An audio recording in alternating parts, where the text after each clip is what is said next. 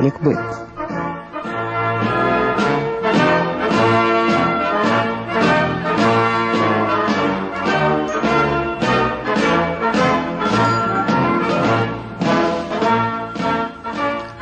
חלקה הראשון של התוכנית עסק בנפוליאון העוזב את גלותו באלבה וכובש את צרפת מבלי לראות אפילו ירייה אחת. בחלקה השני של התוכנית נשמע על סוף דרכו ותבוסתו בקרב ווטרלו. משוחחים וקוראים מתעודות הזמן ההוא הפרופסור מיכאל הרסגור ואלכס אנסקי.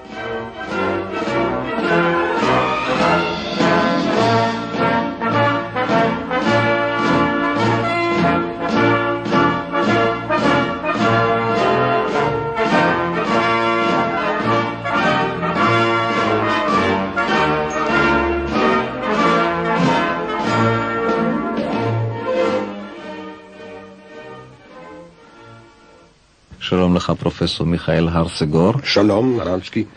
כיצד מקבלת צרפת, העיר פריס, מוסדות השלטון, את שובו המפתיע ואת ההכנות של הקיסר? ובכן, העיר הייתה מאובנת, מתדהמה ומהתלהבות. כמובן, היו גם אנשים ששנאו את נפוליאון, אבל אלה שתקו. מי שלא הצליח לברוח, שתק. הוא באמת לא רדף את מתנגדיו. הוא הציע תוכנית של חזית לאומית. הוא פנה אפילו אל אנשים שכתבו נגדו, אחד מהם היה בנז'מן קרוסטון, שאמר שלא ימומר ולא יזחל משליט לשליט, והטיל עליו את התפקיד לכתוב את החוקה הליברלית של הממלכה, והאיש קיבל את התפקיד הזה. ומוסדות השלטון, קיסר בראש המדינה, בית כן. עליון, בית תחתון? אבל כן, אבל עכשיו הוא מנסה להיות ליברל, וכפי שנראה, הוא יציע חוקה שהיא תהיה לפחות ליברלית כפי שהייתה החוקה של לואי ה-18. אבל עוד לפני שהגיע לפריז, בשביעי במרץ, כלומר שבעה ימים אחרי שנחת על חוף צרפת, מגיע הידיעה לווינה, ובווינה, בירת אויבו וחותנו, הקיסר פרנץ הראשון פון הבסבורג, מתקיימת ועידה בינלאומית כדי להסדיר את הדברים באירופה אחרי מפל... אחרי נפילת נפוליאון. אני מבקש להבהיר את הדברים. כן. עברו שבעה ימים מאז. נחיתתו של נפוליאון. הוא עדיין בדרכו לפריס. הוא, הוא יגיע לפריס בדרכו. רק ב-20 למרס. וכבר יושבים, כן. באמצעות המרגלים הגיעה ידיעה על מעצמות אירופה. לא מרגלים, פשוט מאוד. רצים הביאו את הידיעה. מתוך גבולה של צרפת כן, לעבר וינה, כן. כנראה גם אל גרמניה, אל פרוסיה. כן, אבל לא, לא היה צורך, מפני שמלך פרוסיה, פרידריך וילם השלישי, וקיסר רוסיה, אלכסנדר הראשון פבלוביץ', נמצאו באותה שעה בווינה עצמה.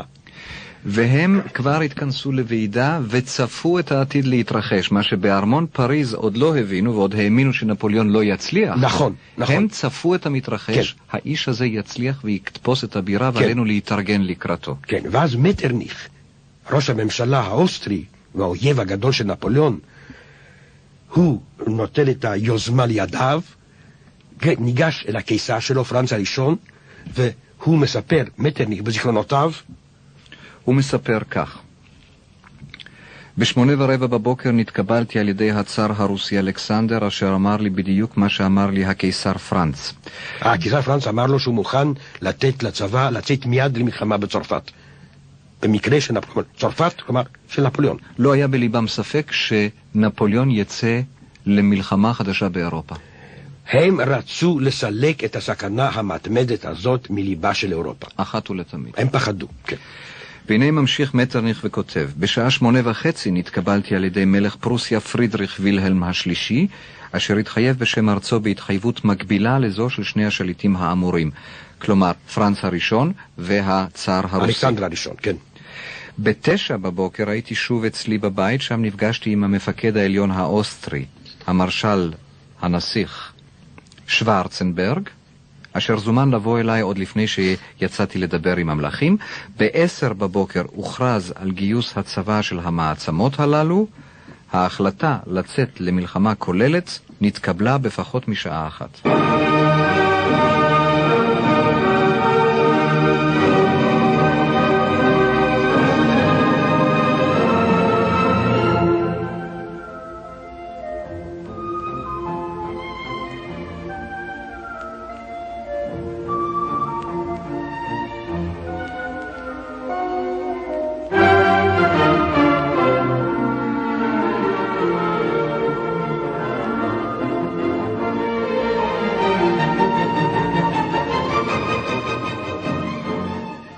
ויפה. קבוצה קטנה של שליטים נכבדים וגדולים ככל שיהיו, צאר ונסיך וקיסר, מחליטים על מלחמה. כן. עכשיו צריך להזיז את הגלגלים. ישנה דעת קהל?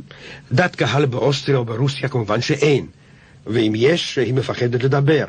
יש דעת קהל באנגליה.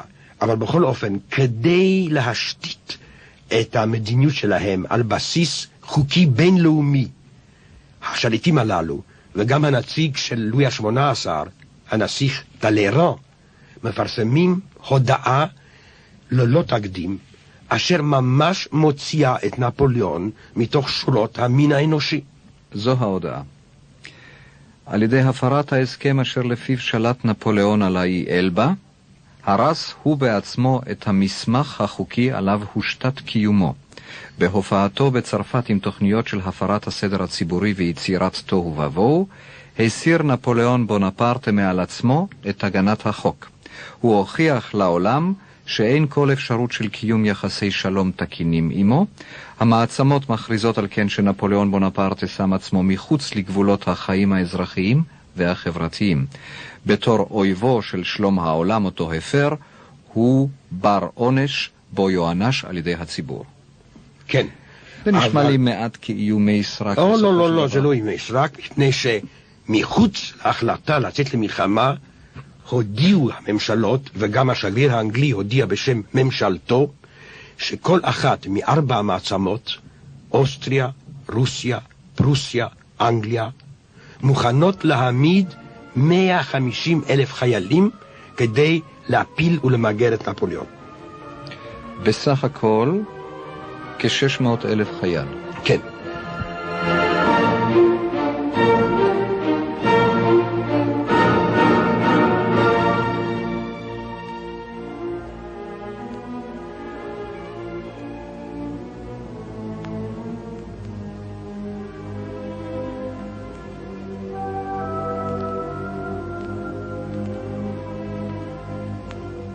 נפוליאון, שהבין שנרקמת ברית נגדו, ניסה לפורר אותה, לפחות על ידי הוצאתה של אוסטריה מן הברית, מפני שסוף סוף הקיסר האוסטרי, פרנץ הראשון, היה אבי אשתו של נפוליאון, מריה לואיזה, וסבו ילדו של נפוליאון, נפוליאון הקטן.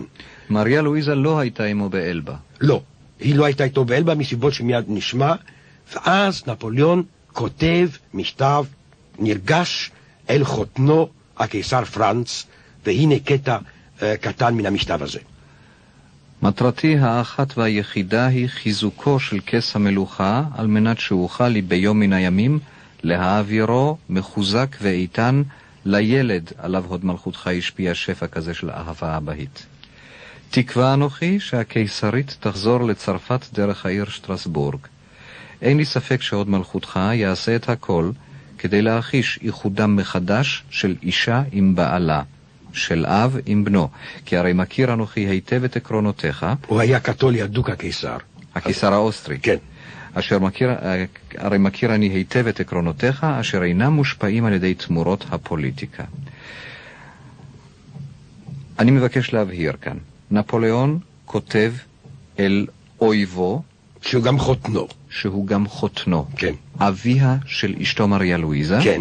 יש להם בן משותף, בן ארבע, לנפוליאון ולמריה לואיזה יש בן ארבע, כן? מריה לואיזה נמצאת היכן? אצל אביה בווינה. בווינה יחד עם הילד שלה. ואז הוא פונה אל רגשות הסב, כן? תן לי את אשתי והחזיר לי את נכדי, הרי רק למענו אני חוזר. מנסה לקומם את הכיסא הזה. כן. הוא גם מבטיח במכתב הזה שהוא לא יוצא למלחמה. אומר לקיסר, באתי רק כדי לשקם את הכס המלוכה. כלומר, יש כאן הבטחה שהוא לא יצא למלחמה. אבל איש לא מאמין לו. פרנץ, הקיסר, אינו מאמין לו. גם הצאר הרוסי, שדווקא התערב לטובתו לפני שהוגלה לאלבה, אינו מאמין לו. אבל בצרפת, ששם נפוליאון עשה את השגיאה להודיע שאשתו עומדת לבוא, מבינים שהיא איננה באה. ואז משרד החוץ הצרפתי מנסה לדובב את הקיסרית, את מריה לואיזה. שולחים סוכן שהיא הכירה אותו, איש מן האצולה, והוא הצליח להגיע אליה. ואז הסוד הנורא נודע לו, שלמעשה היא חיה עם גנרל אוסטרי בשם נייפרג, אחרי שמטרניך תמרן אותה כדי שהוא ייכנס למיטתה. ועוד מעט יהיו להם ילדים משותפים. בכל זאת, הסוכן הזה, הברון דומנבל, מצליח להיות מוזמן על ידי מריה לואיזה לארוחת ערב. והנה קטע מן הדין וחשבון שהוא יפנה לשר החוץ של צרפת, מסיו דה קולאנקור. היא אמרה לי שגמרה עומר לא לשוב לעולם אל הקיסר נפוליאון. שאלתי אותה מה הסיבה של ההחלטה המוזרה הזו. היא מנתה לי סדרה של סיבות והעלתה טענות אותן העזתי להפריך. לבסוף הצהירה שלאחר שלא התחלקה עם הקיסר נפוליאון בגלותו באי אלבה, אין זה יאה וגם לא נאה שתתחלק איתו במלכותו המחודשת, לאחר שלא תרמה דבר לחידושה של מלוכה זאת. אין לנו כאן סיטואציה של אישה המבקשת לחזור אל בעלה. כן, אבל נפוליאון אה, דרש לקרוא בעצמו את הדין וחשבון. כל האנקור, שר החוץ, ניסה להסתיר את המכתב. אבל נפוליאון סימן אותו, הוא ביקש את המכתב, קרא אותו, ואז הוא הבין מה מתרחש. יש לנו עדות על השפעת התגלית הבלתי נעימה הזאת, שגנרל אוסטרי שם לו קרניים, יש לנו עדות בזיכרונותיו של שר הדואר, לוולט, אשר נמצא באותה עת בקרבתו של נפוליאון. והנה העדות. התגלית העגומה גרמה נזק רב לקיסר, האופטימיות שלו נמהלה בכן פסימיות שחורה אשר העיבה עליו לעתים יותר ויותר קרובות. הרי ברור שהיה בריא להפליא כאשר העז לצאת לדרכו הנועזת מן האי אלבה אל פריס, אולם עתה החל הקיסר חש את סימני ההיכר של מחלות שונות. ואני מבקש לשאול, האם זו הייתה נחלתם של קבוצה קטנה בשלטון, או שאפילו עיתוני צרפת גילו לכל אזרח ואזרח לא, שקיסריתם בוגדת עם קצין אוסטרי. העיתונות אה, החופשית במרכאות לא הורשתה לגלות את האמת.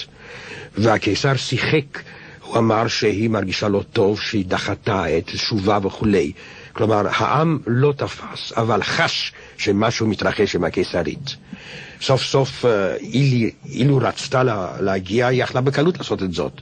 היא לא הייתה שבויה ממש, סוף סוף היא קיסרית. אבל אה, הדבר הזה התפרש על ידי אה, אנשים שהיו יודעי חן כהוכחה שמשהו מאוד לא נעים קרה לקיסר.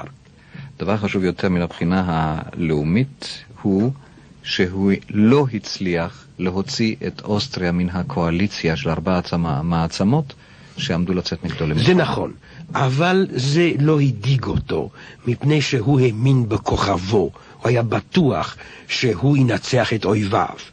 הוא גם ידע, וזה חשוב מאוד כדי להבין את, ה, אה, את מזגו באותם הימים, של המפקד האנגלי שמנסה לגייס צבא ולארגן צבא אנגלי בתוך בלגיה, של המפקד הזו, וולינגטון, אה, דברים גם כן לא נעימים מתרחשים. כלומר, וולינגטון לא מצליח, לפי העדות של עצמו, לארגן צבא של ממש נגד נפוליאון.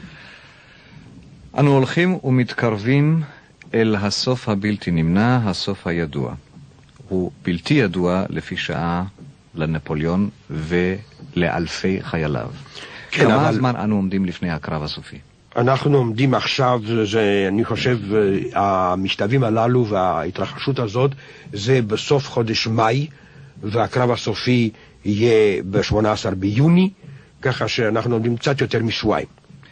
הזכרת את הצבא של המפקד האנגלי וולינגטון. כן. איזו יש... עדות יש לנו? יש לנו עדות... שכן, מכתב שהוא כתב לסגנו, מכתב מאוד פסימי. על מצבו של, של המצ... הצבא האנגלי. בבלגיה, כן. יש לי צבא זוועתי, כותב וולינגטון, זהו צבא חלש מאוד, צבא ללא ציוד ומפקדים ללא ניסיון. לפי דעתי הם מתבטלים באנגליה. לא גייסו חייל נוסף אחד, הם אינם מסוגלים לשלוח לי דבר, הם אפילו לא קראו לפרלמנט להצביע על תקציב מלחמה. אין כסף, ורוח המלחמה מתנדפת לפי מידע הנמצא בידי. אה, יש לשער שלנפוליאון אה, הגיעו ידיעות על כן, מצבו של הצבא. כן, כמובן, השירות הריגול הצרפתי היה טוב מאוד, מאורגן, יפה, והוא ידע את זאת. זה כמובן הוסיף לו אופטימיות. אבל הוא ניסה לגייס גם את דת הקהל הצרפתית, כן. על ידי הענקת חוקה אשר איננה נופלת בחירויות שהיא מבטיחה מן החוקה שהעניק לואי השמונה עשר. המלך, המלך שאותו הגולה, הדיח, כן, המלך הגולה. המלך שהוא הדיח אותו. אבל כאשר הוא הקריא את החוקה למועצת הקיסר, גילו פתאום היועצים שנפוליאון שומר לעצמו את הזכות להחרים את רכוש אנשי האופוזיציה המפריעים לו. ואז היו כמה יועצים שאמרו, "אה, אדוני הקיסר, זה לא כל כך ליברלי. ואז נפוליאון התפרץ, כפי שהוא נהג לעשות כשהיו אה, נכנסים לתוך דבריו. אתם דוחפים אותי אל דרך אשר אינה שלי. אתם מחלישים אותי, אתם קושרים אותי באזיקים. למה אינכם מדברים על טובת הכלל, על משפט מופשט ועל החוק הטבעי? החוק העליון הוא ההכרח. העיקרון העליון של הצדק הוא ביטחון המדינה. לכל אחד הטבע שלו. אני לפי הטבע שלי אינני נמנה על מלאכי השמיים. בזה הוא צדק. בהחלט. והייתה, והיה מרשימה מאוד הכנות הזאת. כן. רבותיי, הנני אומר וחוזר ואומר שעליכם להרשות שנחת זרועו של הקיסר, נחת זרועו הידועה היטב, חייבת להיות מורגשת, חייבת להיראות לעיני כל. כן, אבל מחוץ לזאת נפוליאון גם הציע לעם הצרפתי לאשר את חוקתו. התוצאות של המשאל היו מאוד חיוביות, למראית עין. מיליון 288 אלף אזרחים הצביעו בעד החוקה, ורק 4,802 הצביעו נגדה. אם אנחנו מסתכלים על מספרים, הרי מתברר שתומכיו של נפוליאון עולים פי 268 פעם על מתנגדיו. אבל מאחורי התוצאות המפליאות האלה עמדה אמת יותר עגומה. כארבע מיליון אזרחים לא השתתפו במשאל העם. סימן שהיה כאן אה, ציבור עצום שהיה פסיבי ושלמעשה ישב על הגדר.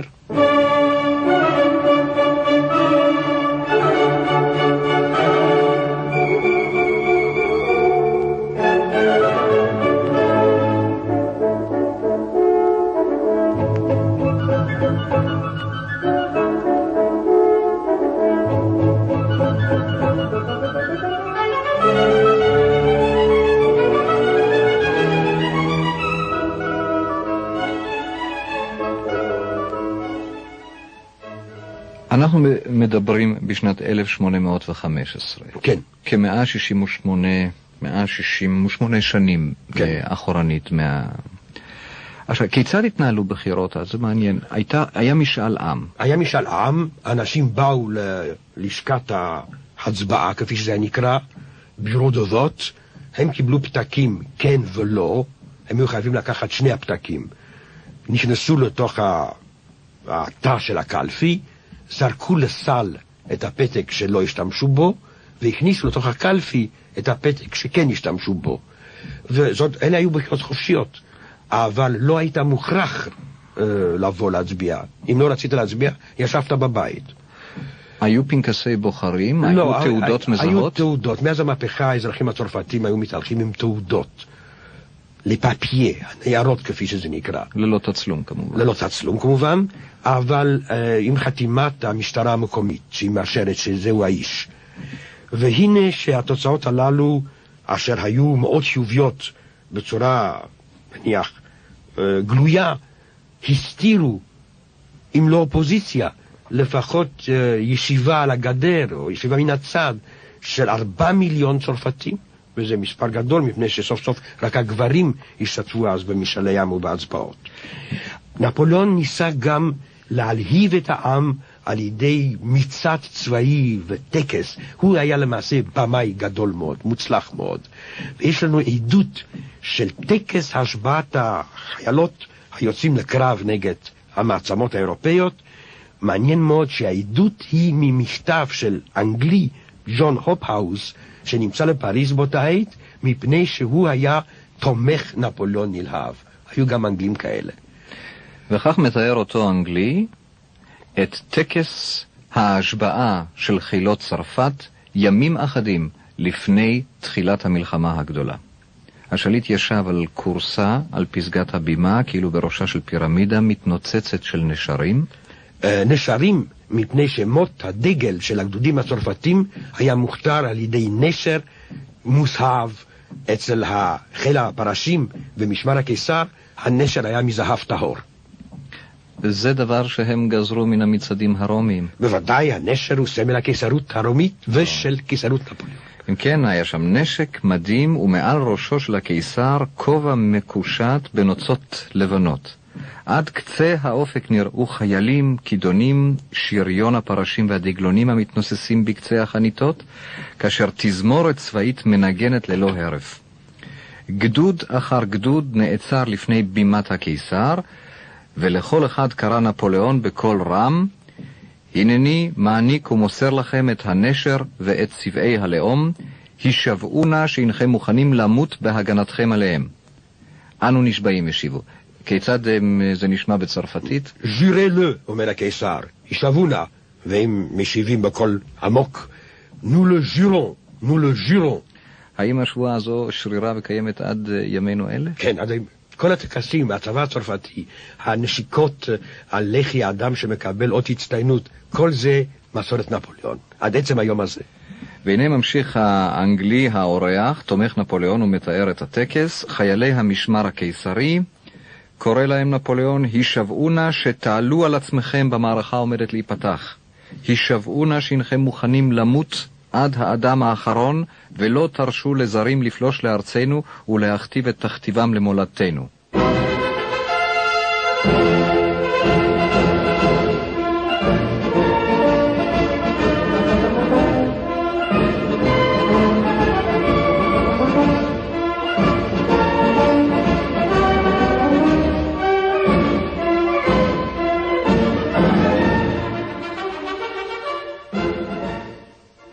יפה, הוא אומר שלא תרשו להם לפלוש, אבל בסופו של דבר הוא פלש. הוא פולש לבלגיה.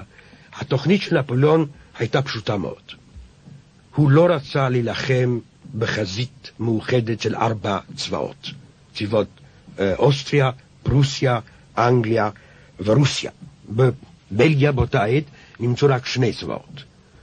הצבא האנגלי של וולינגטון... שלא היה במצב טוב כל כך כפי ש...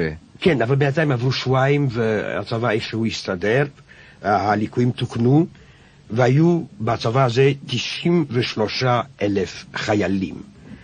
מול זה היה גם הצבא הפרוסי עם 120 אלף חיילים, יחד 213,800. לנפוליאון היו רק 160 אלף, אבל הוא לא התייאש. התוכנית שלו הייתה אה, דומה לתוכניות שלו שהביאו לו את הניצחונות הגדולים ביינה, באוסטרליץ ובווגרם. היא הייתה פשוטה, להכות קודם את וולינגטון, למנוע את איחוד הצבא האנגלי עם הצבא הפרוסי של בלושר, ולאחר זאת להפנות את כל כוח הצבא הצרפתי נגד בלושר, לחסל את צבאו של בלושר, ואז הוא חשב שרוסיה ואוסטריה לא ירצו להיכנס למיטה חולה, הם לא יגיעו לבלגיה, ואז נפוליאון חשב שאחרי הניצחון הוא יהיה שוב אדונה של אירופה ויוכל להכתיב לה את רצונו. התאריך הוא 16 ביוני. כן, והגורל כאילו תומך בנפוליאון.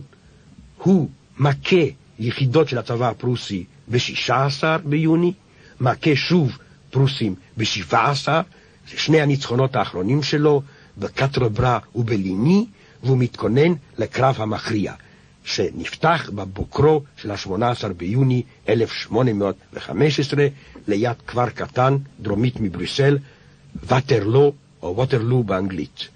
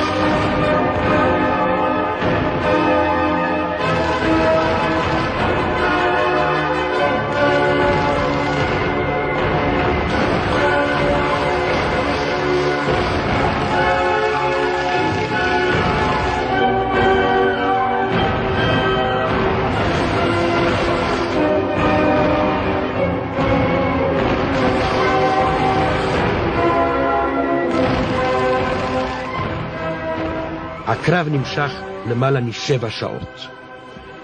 נפוליאון בנה את כל תוכניתו על ניצחונו על וולינגטון, על התחברותו עם צבא צרפתי רענן תחת הנהגתו של המרשל, של הגנרל גרושי, ואחרי זה להפנות את שני הצבאות נגד בלישר. אלא מה קרה? גרושי לא הבין את הפקודות שלו ואיחר. לעומת זאת, בליכר הפרוסי הצליח באמצע הקרב להתחבר עם הצבא האנגלי. נפוליאון, כששמע את החצוצרות של הצבא הפרוסי המתקרב, חייך ואמר, הנה גרושי מגיע. כאשר נודע לו שזה לא גרושי, הגנרל שלו, אלא זה בלישר, הגנרל הפרוסי, הוא התחיל להבין שהקרב אבוד. ולמעשה, רק בערב, בהסתערות האחרונה של האנגלים, התמוטט המשמר הקיסרי הצרפתי, בהלה אחזה בצרפתים, היה כבר לילה, אז כולם ברחו. נפוליאון לא הצליח לעצור באדם. הוא ניסה להיכנס לתוך כרכרה, וכאשר היה בתוך הכרכרה, הוא שמע קולות גרמנים. הפרוסים היו כבר קרוב מאוד, ואז הוא קפץ על סוס והצליח לדהור אל הגבול הצרפתי.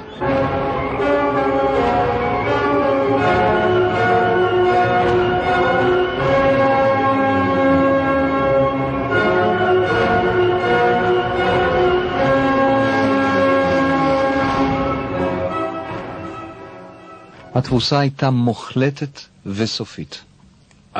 התבוסה הייתה מוחלטת וסופית.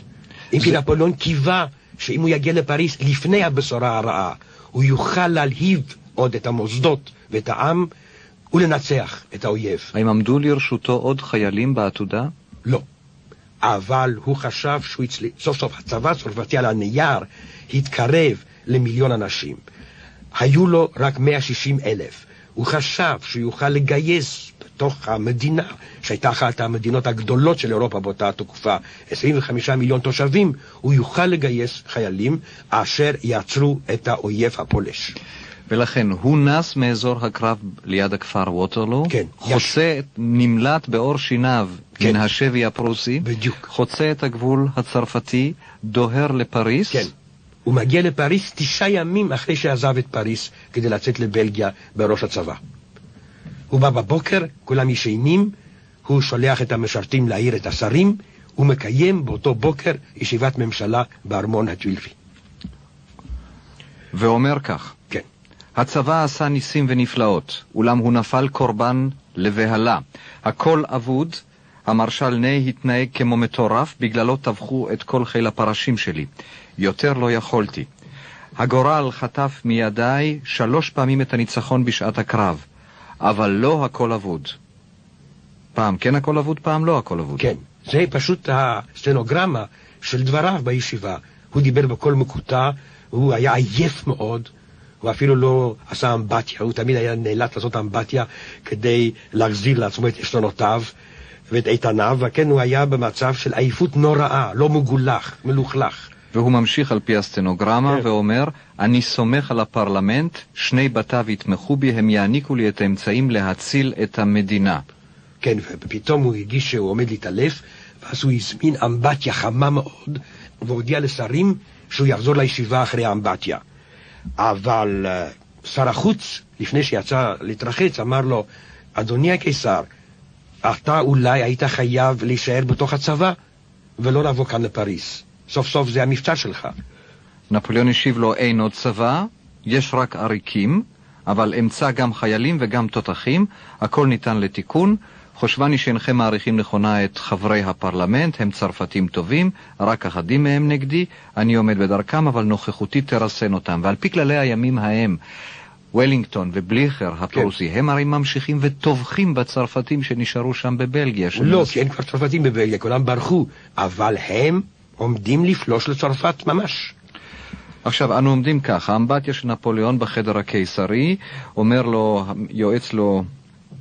בזמן שהוא היה באמבטיה נכנס שר הביטחון בבגדי השרד שלו, המרשל דבו אליו, ואז נפוליאון קם מן האמבטיה, שפך את כל המים על בגדי השרד של הגנרל דבו, ואמר לו, הוא שם את, ה, את הזרועות הרטובות אה. שלו על הגנרל ואמר... הרטיב את הכותבות כן. המדורגות. ואמר לו, אני אה. יודע בצרפתית, אה ביאן דאבו, אה ביאן דאבו, קודיטו דאבו, אה ביאן דאבו. כלומר, בעברית, מה, מה אתה אומר, דבו? מה, מה אתה אומר, דבו? ובכן, מה אתה אומר?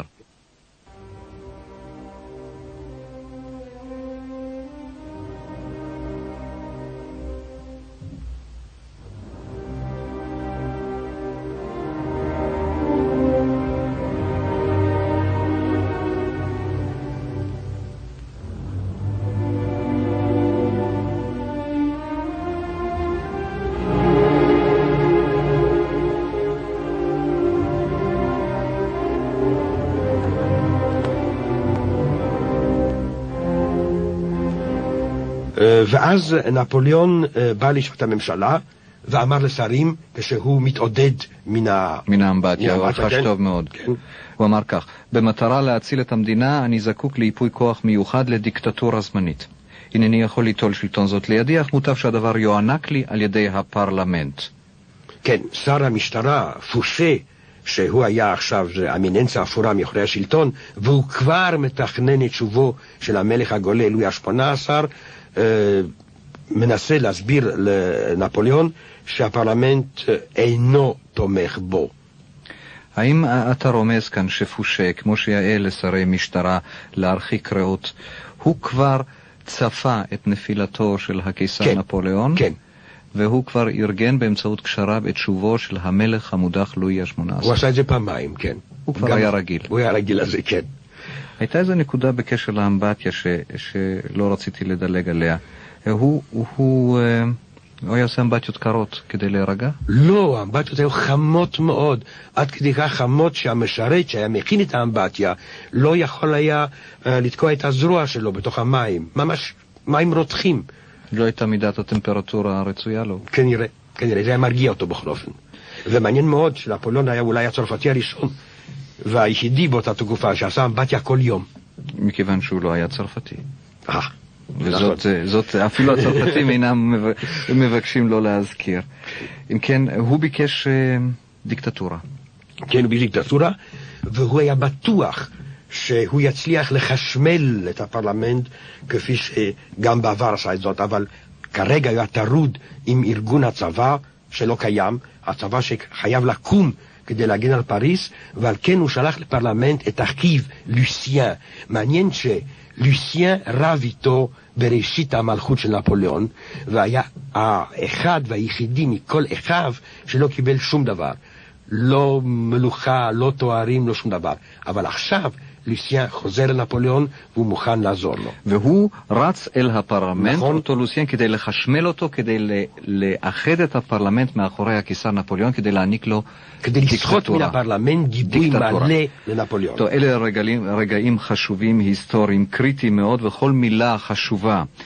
אם כן, כך אומר לוסיאן אל חברי הפרלמנט. לא נפוליאון מותקף על ידי מעצמות אירופה, אלא האומה הצרפתית. ועתה יימצאו כאן אנשים אשר יטיפו לצרפת שתיטוש את הקיסר שלה. אם חברי הבית יאזינו למטיפים האלה, עליהם תיפול האחריות להרס המדינה. עליהם יעיק אות הקלון הנצחי המגיע לבני אדם, אשר לא פעלו בהתאם לצו הכבוד.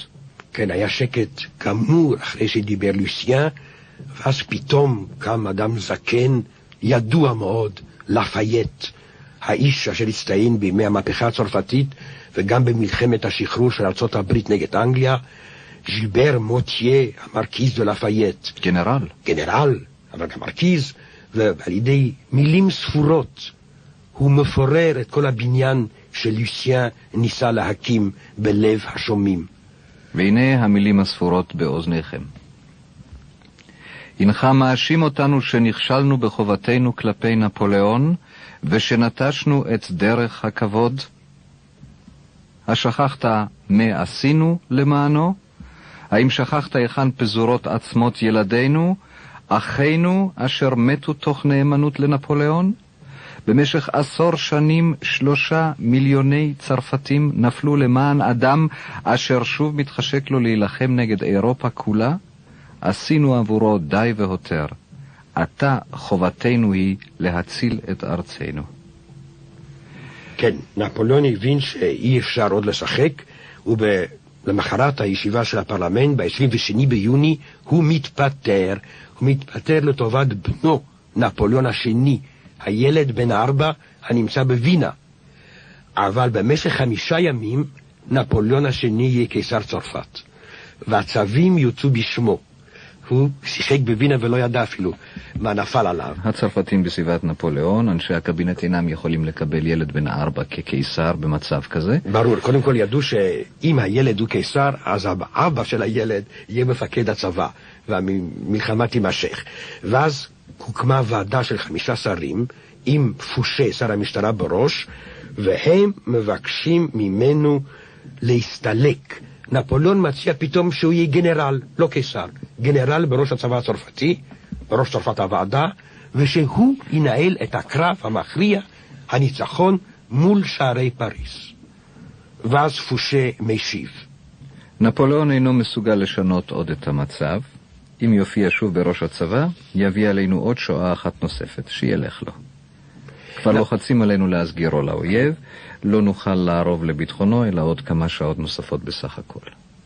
נפוליאון הבין שבאמת הכל אבוד, אבל הוא קיווה ששמו, יוקרתו, יצליחו לעזור לו למצוא מקלט מדיני באחת מארצות האויב. קודם כל, הוא חלם להגיע לארצות הברית. אחיו, ז'וזף, שהוא עשה ממנו מלך נפולי, ואחרי זה הסב אותו להיות מלך ספרד, ז'וזף בונפרט, אחיו הבכור, הצליח להגיע לארה"ב. אבל נפוליאון היסס כמה ימים, כשהגיע לחוף הצרפתי, החוף המערבי של צרפת, התברר שהצי האנגלי שם הסגר על צרפת כדי למנוע את בריחתו. ואז הוא שיחק עם הרעיון להגיע לרוסיה, לבקש את הצער שהוא חשב שהוא מחבב אותו, והוא צדק, שנה קודם לכן, כשהצאר השיג לו את האי אלבה. האי אלבה. כן.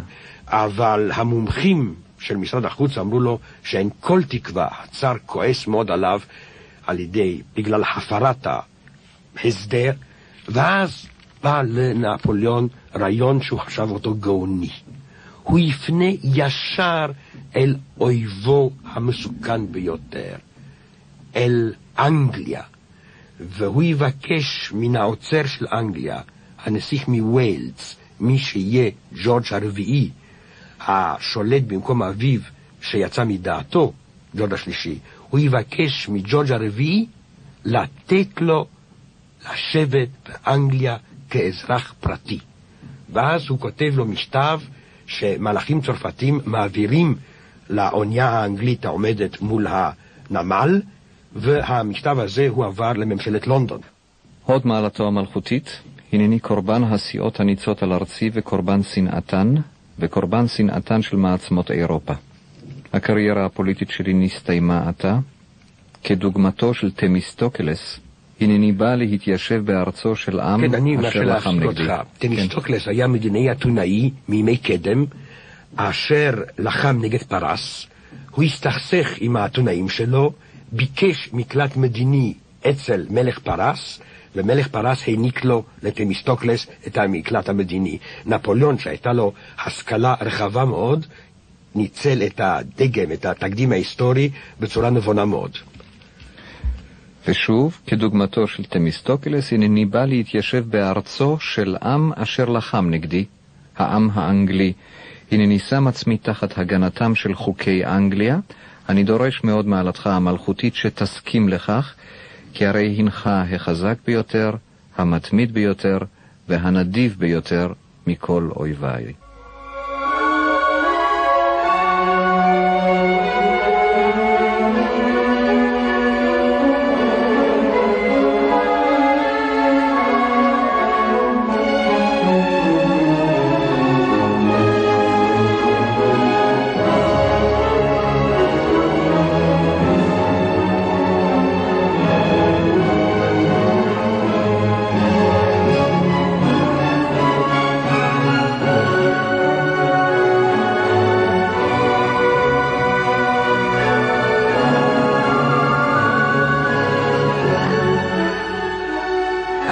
במכתב הזה הוא הפליג אל האונייה האנגלית הגדולה בלרופון, שעגנה בנמל, מול הנמל, ורב החובל קיבל אותו כפי שמקבלים מלכים ושליטים, והדבר הזה היטה את נפוליאון. הוא אמר לרב החובל שהוא מוכן להפליג לאנגליה. בינתיים קיבל רב החובל הוראות לא להפליג לאנגליה, אלא להפליג אל אי קטן, אבוד, בתוך מרחבי האוקיינוס האטלנטי, האי סנט אלן, ולהעביר את האיש הזה, שכבר לא קוראים לו נפוליאון, אלא פשוט הגנרל בואלפרטה, כשבוי מלחמה, עד סוף ימיו. כשנפוליאון הבין שבמקום לנסוע לאנגליה, הוא נוסע לאי הגלות, ממנו אי אפשר לברוח, כמו שאפשר לברוח מסנט אלן, הוא כתב את המשטב המפורסם ביותר שלו, המופנה הפעם לא למלך אנגליה, אלא המופנה אל המין האנושי ולדורות הבאים. הנני מוחה בצורה החגיגית והמפורשת ביותר מול השמיים ומול המין האנושי נגד הפרת זכויותיי הקדושות ביותר. הנני מרים קול מחאה נגד נטילת חירותי בשרירות ונגד רצוני. באתי באופן חופשי על סיפונה של אונייה זו, אשר שמה בלרופון. אינני שבוי, הנני אורח, אורחה של אנגליה. באתי בעצמי מתוך רצוני החופשי על סמך הזמנתו של רב החובל. אותו רב חובל אמר לי שלפי הוראות ממשלתו הוא מוכן להסיעני לאנגליה עם רצוני בכך, הנני מרים את קולי מול בית הדין של ההיסטוריה. ההיסטוריה תגיד שאויבה של אנגליה, אשר ניהל במשך עשרים שנה מלחמת חורמה באנגליה, בא, כאשר אסון נפל עליו, לחפש מקלט בצילם של חוקי אנגליה. האם יכולתי לתת דוגמה מפוארת יותר של הערכתי את אנגליה? האם יכולתי לתת דוגמה מפוארת יותר של האמון אותו הנני רוכש לאנגליה? וכיצד השיבה אנגליה לאמון עמוק זה? היא העמידה קודם פנים שברצונה להושיט יד עוזרת לאויב זה, וכאשר הוא מסר עצמו, גוף ונפש, לאנגליה, אנגליה חיסלה אותו. אין ספק שהאיש הזה נחן בכישרון כתיבה. נפולון היה סופר גדול, ולקרוא את הצהרותיו ואת מכתביו זהו תענוג ספרותי גדול. החומר הזה נלמד בבתי הספר בצרפת? עוד איך, אני זוכר כשהייתי ילד בבית הספר העממי, כשהמכתב האחרון של נפוליאון הוקרא על ידי המורה, היא בכתה ואנחנו בכינו. היא הייתה בוכה בכל מחזור. לא, כן, אבל היא הייתה רפובליקאית, ואמרה לנו, אני רפובליקאית, אבל, אבל... נפוליאון ב... בן 46. 46, כן. ב... עכשיו הוא יצא לסנט אלן, לאי הזה, עם כמה מלווים נאמנים, אשר יריבו בינם לבין עצמם, כי המצב היה מחריד, והוא יריב עם המושל האנגלי.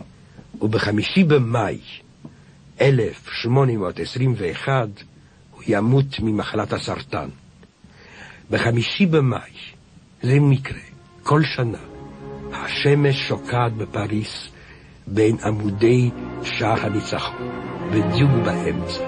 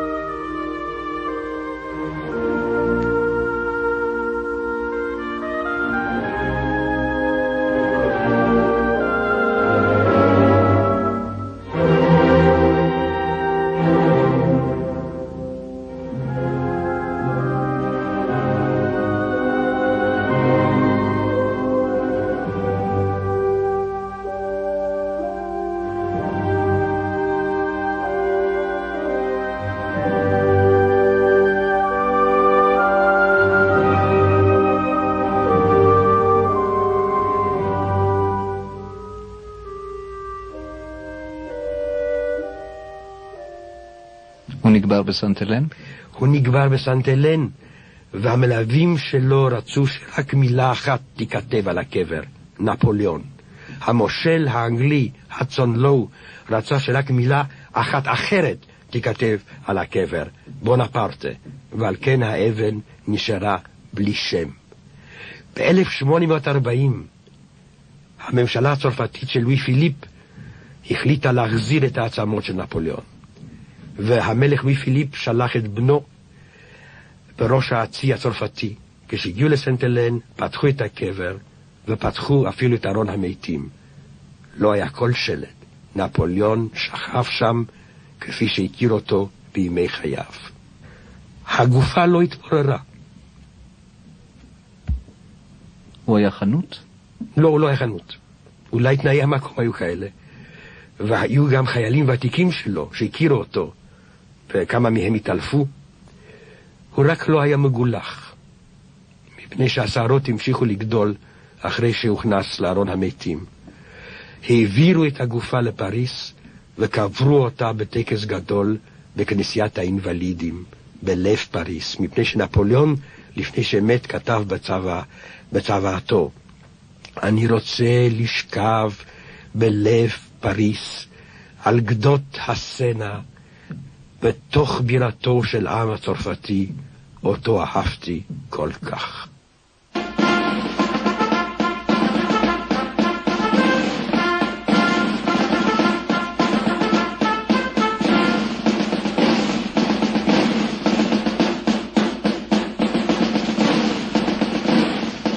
שעה היסטורית. אלכס אנסקי והפרופסור מיכאל הרסגור שוחחו על נפוליאון. ערך דן פרט